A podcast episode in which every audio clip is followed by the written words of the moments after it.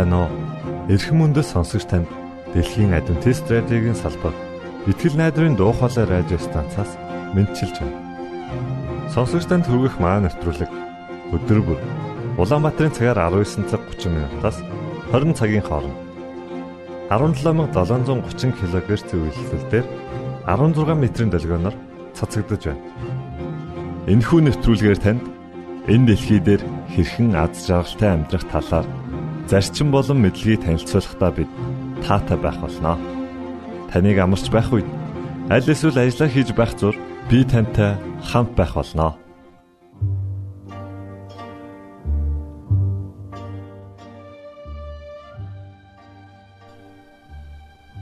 Өнөөдрийн хөтөлбөрөөр магтан дуул хэмээх эртний ариун дуулыг та бүхэнд хүргэж байна. Харин үүний дараа Есүс юу тохиолдсон бэ гэдэг зохиомжийг танд хүргэх болно. За ингээд та өнөөдрийн нэвтрүүлгээ сонсноо.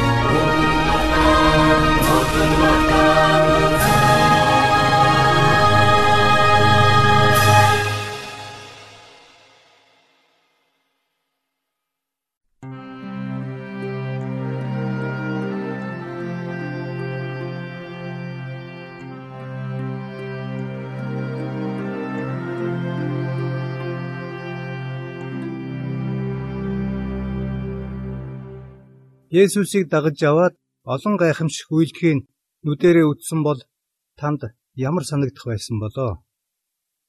Есүсийн шавнаар хүртэл багштайгаа өдөр бүр цуг байдаг байсан атлаа агуу их хүч чадал эрх мэдлээ харуулхад нь гайхан биширдэг байжээ. Марк 4:35-аас 41 дүрсэлсэн тийм нэгэн явдлыг ярилцъя. Та тэр үйл явдлыг нүдэрээ үзэж байна гэж төсөөлөөрэй.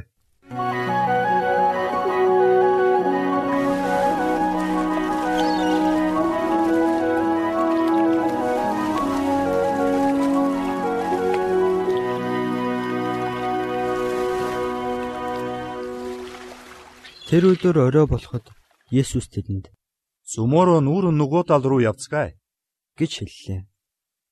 Цугласан олныг орхин тэд түүнийг завин дээр байсан чигээр нь авч явахад өөр завнууд ч дагалдав.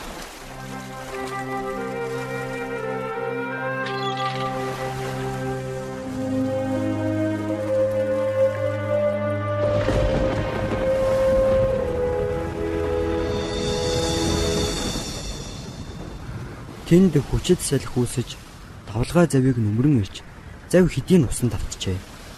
Есүс завны хитэгт дэр дэрлээд унтаж байлаа. Шавнар нь түүнийг сэрээж "Багшаа, бидний өхөн танд хамаагүй гэж юу?" гэлээ. Есүс сэрээд салхийг буруу шааж нуурт "Чимээгүй, намд" гэж айлдав. Салхи зогсож шуурга бүр нам гүн болов. Тэр тэдэнд ингэж хэллээ. Та нар юунд ингэдлээ айн вэ? Та нарт яагаад итгэл байхгүй байдаг вүлээ? Тэд маш их айж бие биедээ Тэр ерөн хин юм бэ? Салхи нуур хүртэл түүнд захирагдж байдаг. гисгэж байлаа.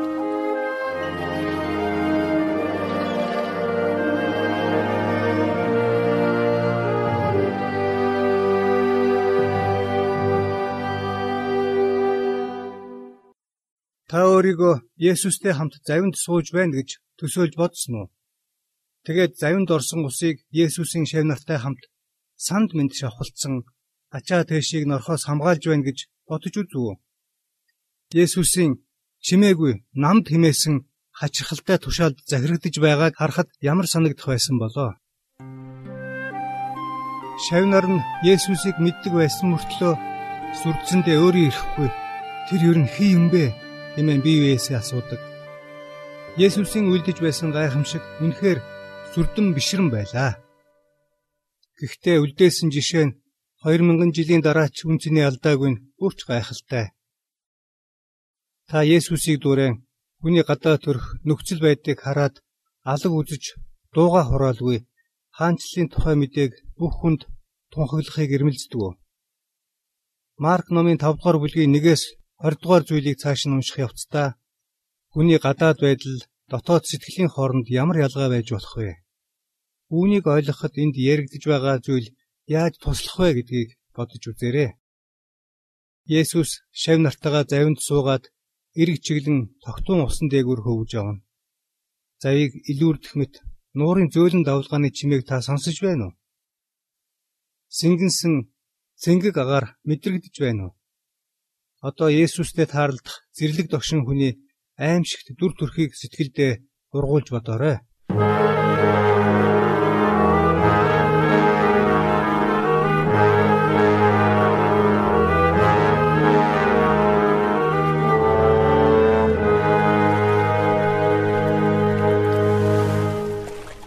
Тэд нуурын нөгөө эрэг болох Герас нутагт иржээ. Түүнийг завнаас буухад тэр даруй бузар сүнстэй хүн булснаас гарч Есүстэй уулзрав. Тэр хүний орон байр нь булснуудын дунд байв. Хинч түүнийг хүлж чаддаггүй байжээ. Бүр гинжээрч хүлж чаддаггүй байлаа. Учир нь тэр олон удаа гавтай, гинжтэй байсан ч гинжээ тастаж гаваа хідэн хэсэг болгон эвдчихдэг байв. Түүнийг номхотгоход хэний ч хүч хүрсэнгүй. Тэрээр булснуудын дунд ууланд өдөр шөнөгүй орилж чулуугаар өргөөд илсэн. Есүсийг холоос хараад тэр гүн ирж түүнд мөргөв. Тэгээд чанга дугаар ингэж хашгирлаа. Хамгийн дээд бурхны хөө Есүс танд би ямар хамаатай билээ. Би бурхнаар танаас гоё. Намайг буу заваач. Нь Есүс Узар сүмс энэ хүнээс гар гэж альцсан байлаа. Есүс түүнээс чамайг хэн гэдэг вэ? гэж асуусанд тэр бид олоолаа ачаар намайг тэгэн гэдэг гэж хариулав. Тэгээд тэр түүнээс өөрсдөг нь энэ нутгаас бүү зайлуулаач гэж хүсэмжлэн гуйж эхлэв. Тэнд ууланд гахаан их сүрэг бэлчиж байлаа. Чөтгөрүүд Есүсээс бидний гар авъя хулаач бид тэдний дотор оръё гэж гуйхад Есүс тэдэнд зөвшөөрөв.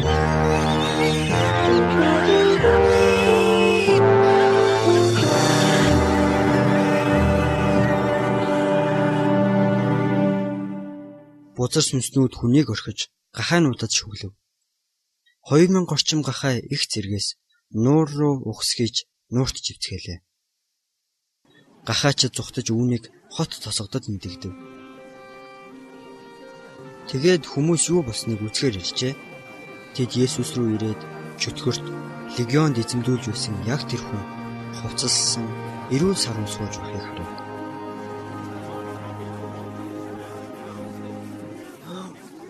Би зүгээр болчихж. Би үнэхээр зүгээр болчихжээ. Тэд ихэд айв. Үтсэн хүмүүс тэр хүнд юу тохиолдсныг болон гахаануудын тухай ярьж өгчээ. Тэд Есүсийг нутгаасаа явахыг гуйж эхлэв. Бурхны хүн хүн эндээс явж хайрл. бидэнд зовлон бүү учруулаач. Есүсийг завинд суух үед чөтгөрт эзэмдүүлсэн байсан өнөөх хүн өөртөө хамт бай гэж гуйж гарлаа. Багшаа. Гой. Намайг аваад яваач. Шавнартайгаа хамт аваад явал та. Есүс зөвшөөрсөнгүй. Харин түнд ингэж хэллээ. Гэртээ өөрийнхөө дээр ууж Иехова чамд ямараагүй зүйлс хийж чамд хэрхэн өршөөл үзүүлснийг тэдэнд мэдэгт. Тэр явж Есүс өөрийнх нь төлөө ямар агуу зүйлс хийж өгснийг Декаполис хэмээх газарт зарлаж эхлэв. Хүн бүр гайхаж байлаа.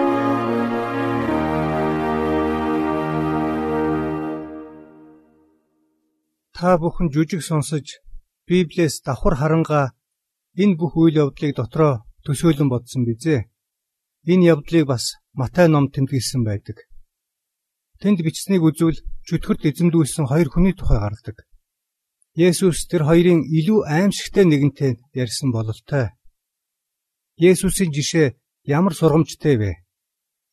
Мэдээж бид Есүс шиг чөтгөрүүдийг зайлуулж чадахгүй. Гэхдээ гадаа төрх нөхцөл байдал нь ямар ч бай хүн бүрд сайн мэдээ дэлгэрүүлэхийг хичээдэг бол Есүсийг дуурайж байна гэсэн үг. Бид дэлгэрүүлж яваад итгээд сонин амьдралтай эсвэл бохир заваан орчинд амьдардаг хүмүүстэй тааралдаж болох юм. Тийм хүмүүст ч гэсэн сайн мэдээ хүргэх боломжоо ашигладаг. Зарим хүн биднийг айлгаж ч мэднэ. Гэхдээ тэд зөөлөн зүрх сэтгэлтэй хүмүүс ч юм билүү? Есүстэй таарлцсан тэр хүн хэлсэн үгийг дор нь хүлээж аваад нутаг орон даяараа Есүсийн тухай тунхаглахаар явсан билээ.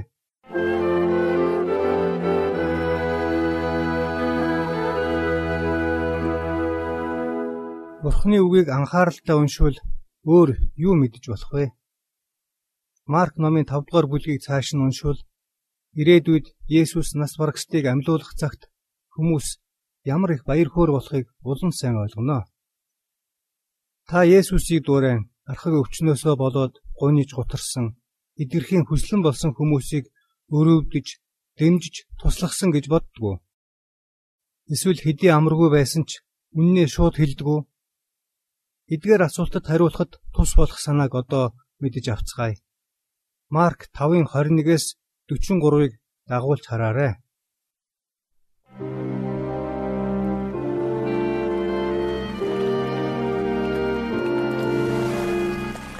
Есүсийг заваар нөгөө эрэг рүү дахин гаталж ирэх үед түн рүү олон хүн хуран цуглжээ. Есүс нуурын иргэдэй байв. Синагогийн ахлагчдын нэгэн болох Яир гэгч хүн ирж Есүсийг хараад хөлдөн унаж Бяцхан охин маань өглөө ирмэгдээр байна. Та очиж нутраа нь тавиач.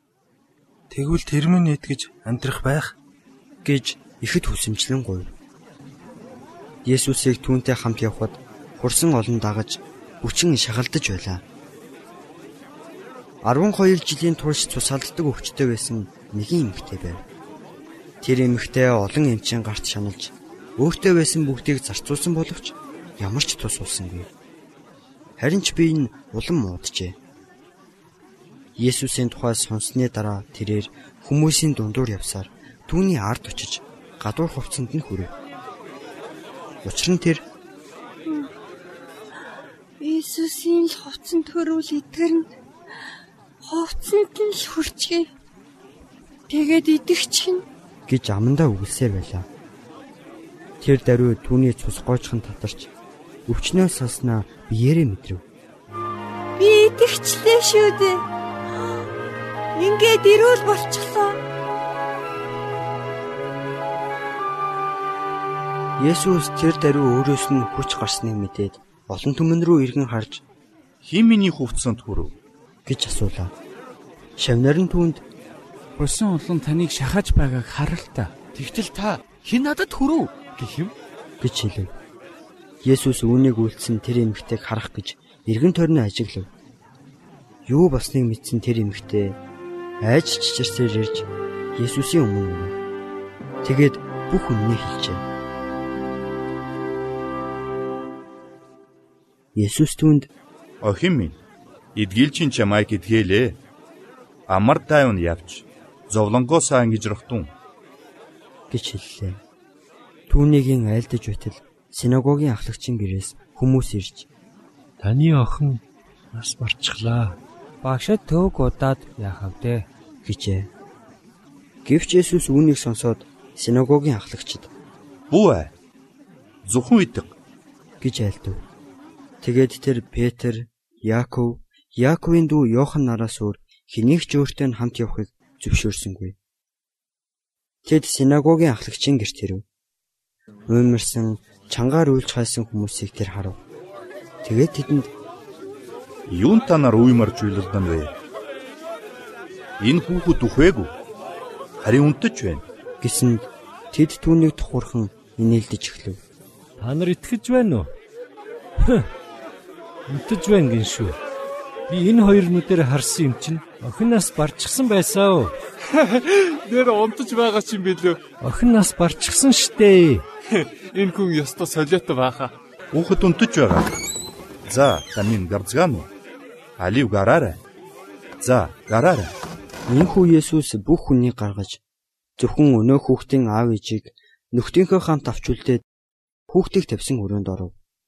Тэгээд хүүхдийн гараас барьж Талита кум гэж айлдав. Орчуулбал энэ үг нь бяцхан охин минь. Би чамд хэлж байна. Бус гэсэн утгатай ажээ. Тэр дэрүү охин босоод явж эхлэв. Тэр 12 настай байжээ. Тэд бүр гайхаж өрхөв. Миний охин охин Бурхан алдарших болтугай. Амьд өгсөн бүхний эзэн Иесус та бас алдарших болтугай. Миний охин алив аав нь охиноо нэг тэврий. Есүс тэдэнд энэ тухай хинч мэдэх ёсгүй гэж хатуу сануулад охинд идэх юм уу гэлээ.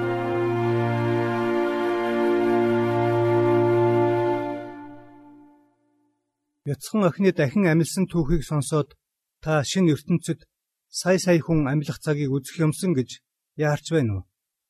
Үе түмэн аав ээжүүд дахин амилсан хүүхдүүдтэйгээ уулзан баярын нулимс унгаж хөөр баяр болж байгаагаар төсөөлж байна уу? Эцэг эхчүүдээ Есүс хүнд өвчнөд баригдаж шаналсан эмэгтэйтэй яаж харьцсан билээ? Энэ явдал та бүхэнд ямар сургамжтай байж болох вэ? Мосегийн хуулийн дагуу тэр эмэгтэй бузар байсан учраас Есүст зориуд хүрхэнд битгий хэл олны дунд байх эрхгүй байсан.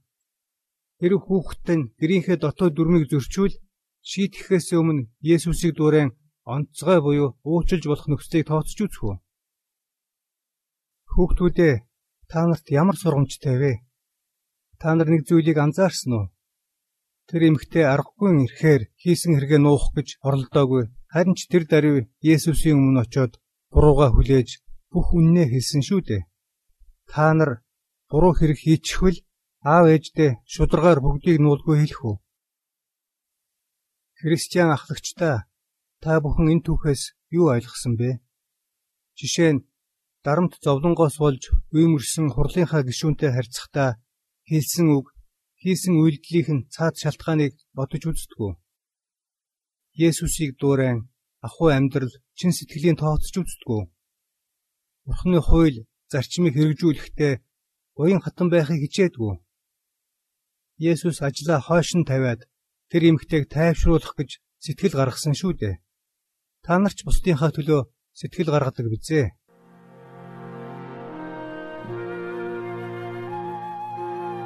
Сая бид Библийн нэг л бүлгийг ярилцлаа. Гэхдээ үнэхээр ач тустай байлаа. Та бүхэн өдөр бүр Библи уншихдаа гарч буй үйл явдлыг санаандаа амьдруулж байгаарэ. Хүмүүсийн зүс царайг харж сэтгэлийнх нь хөдөлгөөнийг мэдрээрэй. Юу бод санаж байгааг нь ойлгохыг хичээгээрэй. Тэдний эргэн тойронд юу байгааг сэтгэлдээ сурч ямар дуу чимээ гарч байгааг ямар үнэр үнэртэж байгааг төсөөлөөрэй. Өөрийгөө тэр үйл явдалд оролцож байна гэж бодоорой. Библиэс уншсныхаа дараа сурч мэдсэний амьдралдаа яаж хэрэгжүүлэхээ бодож байгаарай. Библиэс уншсан энэ зүйл гэрийнхэнтэйгээ итгэл нэгтнүүдтэйгээ эсвэл дэлгэрүүлж явахад таарсан хүмүүстэй харьцахад яаж туслах вэ гэж өөрөөсөө асуугаарай. Ингүүл Бурхны үг таны хувьд жинхэнэ амьд болно. Та эдгээр зөвлөгөөг ажил хэрэг болбол Бурхны үг идэвхтэй буюу нөлөөлөх хүчтэй гэдгийг өөрийн биеэр мэдэрнэ.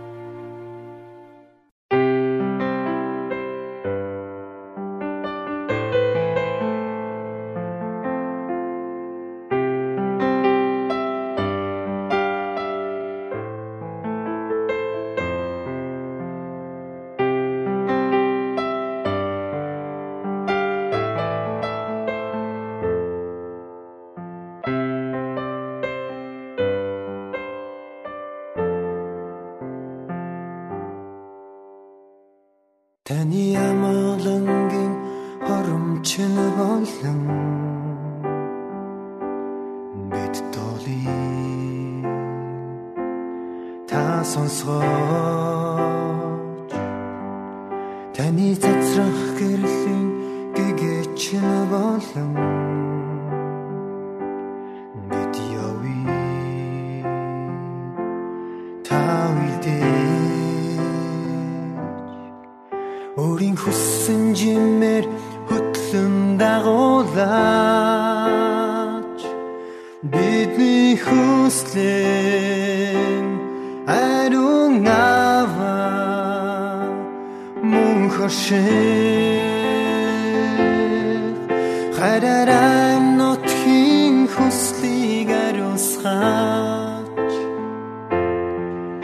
үсэрээ хатурсан зүрхийг амраагаа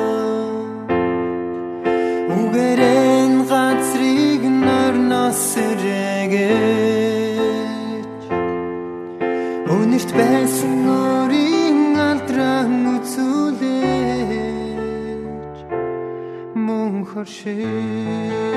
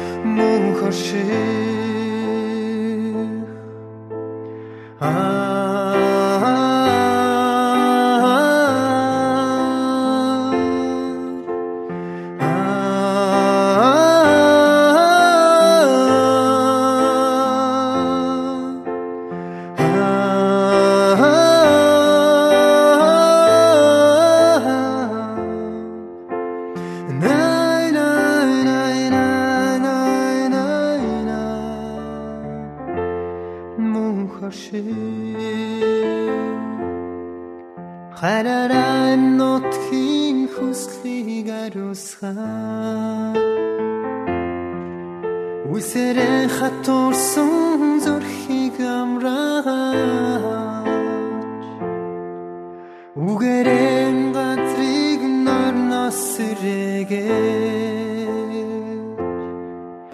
Өнөрт байсан өөрийн алдраа үзүүлээч. Мөн хошиг мөн хошиг мөн хошиг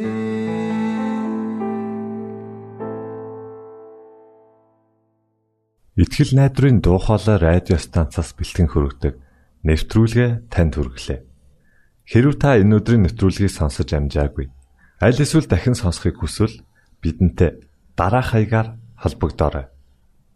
Facebook хаяг: Satiin үсгээр Монгол заавад AWR Имэйл хаяг mongol@gmail.com Манай утасны дугаар 976 7018 24 9 Шуудангийн хаяг 16 Улаанбаатар 13 Монгол улс Биднийг сонгон цаг зав аваад зориулсан танд баярлалаа. Бурхан таныг ивээх болтугай.